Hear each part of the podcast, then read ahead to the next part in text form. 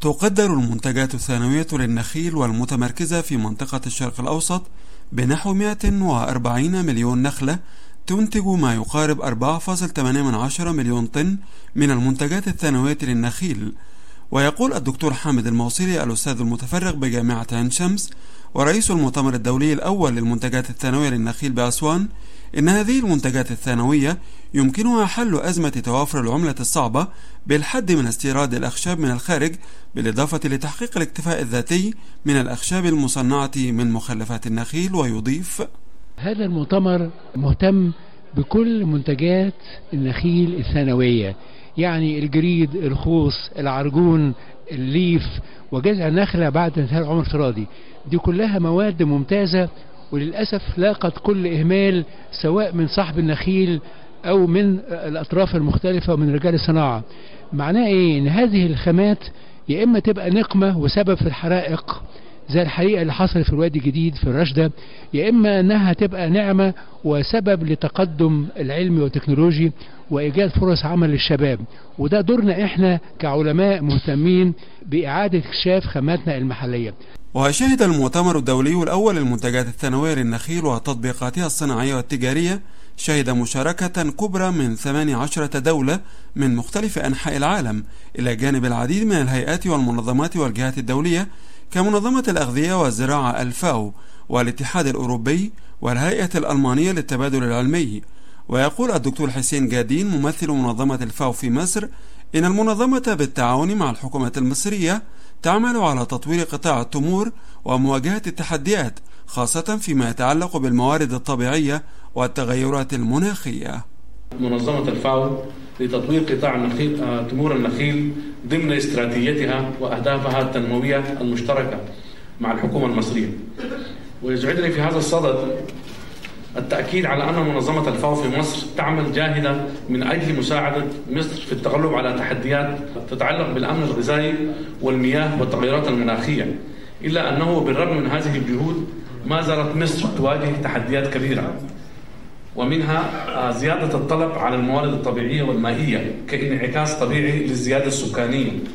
الاعتماد على واردات المحاصيل الاستراتيجية مثل القمح والذرة الصفراء والحبوب الحبوب الزيتية استمرار الاعتماد على الطرق التقليدية في الري حيث تستهلك الزراعة 85% من موارد مصر المائية.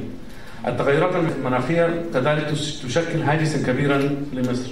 هذه الظروف والتحديات تقتضي العمل جميعا على ضرورة الانتقال إلى أنظمة غذائية أكثر استدامة.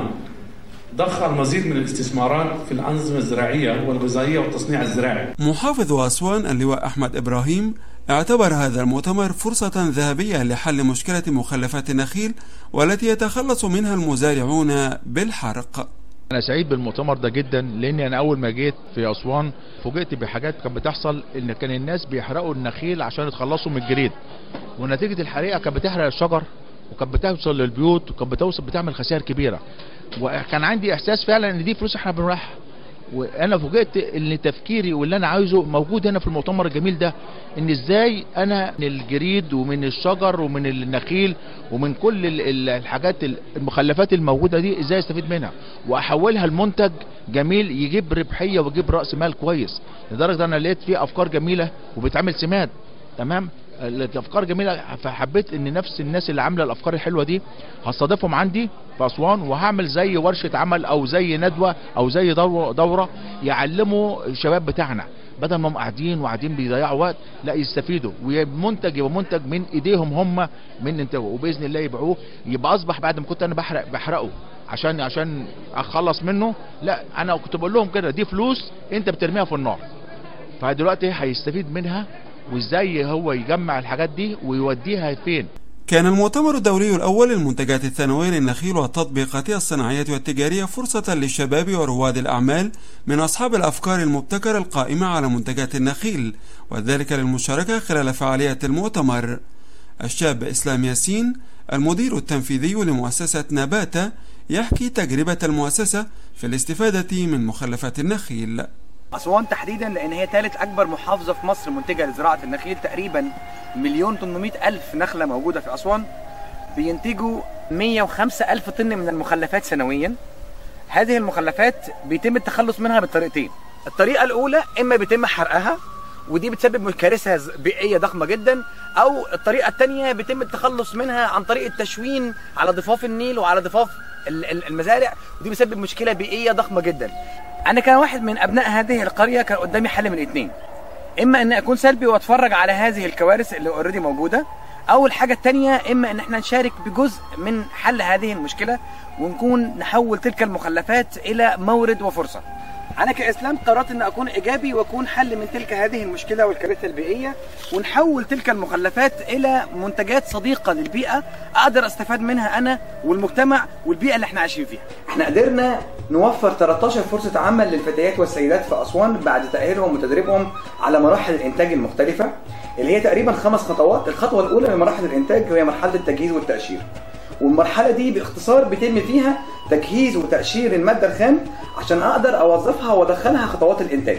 المرحلة الثانية مرحلة المعالجة ودي باختصار برضو أنا بقدر اعالج مادة العرجون اللي هي طالعة من مخلفات النخيل عشان أقدر أستخدمها بشكل صحي 100% المرحلة الثالثه وهي مرحلة التصميم اللي فيها المادة الخام بقدر أوظفها حسب التصميمات اللي أنا محتاجها. المرحلة الرابعة وهي مرحلة التجميع ودي بيتم فيها تجميع المنتج مع بعض المصنوعات التكميلية زي الجلد أو الخيامية. وآخر مرحلة هي مرحلة التقفيل والتشطيب ودي المرحلة النهائية اللي بيتم فيها تشطيب المنتج وصوله للمرحلة النهائية عشان يقدر يستخدمه أي شخص. وبكده إحنا قدرنا نحول مشكلة مخلفات النخيل إلى فرص عمل حقيقية ومنتجات صديقة للبيئة. استعرض المؤتمر الدولي الأول للمنتجات الثانوية للنخيل وتطبيقاتها الصناعية والتجارية التجارب الناجحة الخاصة بإعادة اكتشاف دور المنتجات الثانوية للنخيل كموارد متجددة وذلك تماشيا مع الاتجاهات والمفاهيم العالمية لحماية البيئة والحد من معدلات التلوث وسبل التصدي للمخاطر البيئية الناجمة عن إهدار المنتجات الثانوية للنخيل. من محافظة أسوان جنوب مصر خالد عبد الوهاب لإذاعة الأمم المتحدة.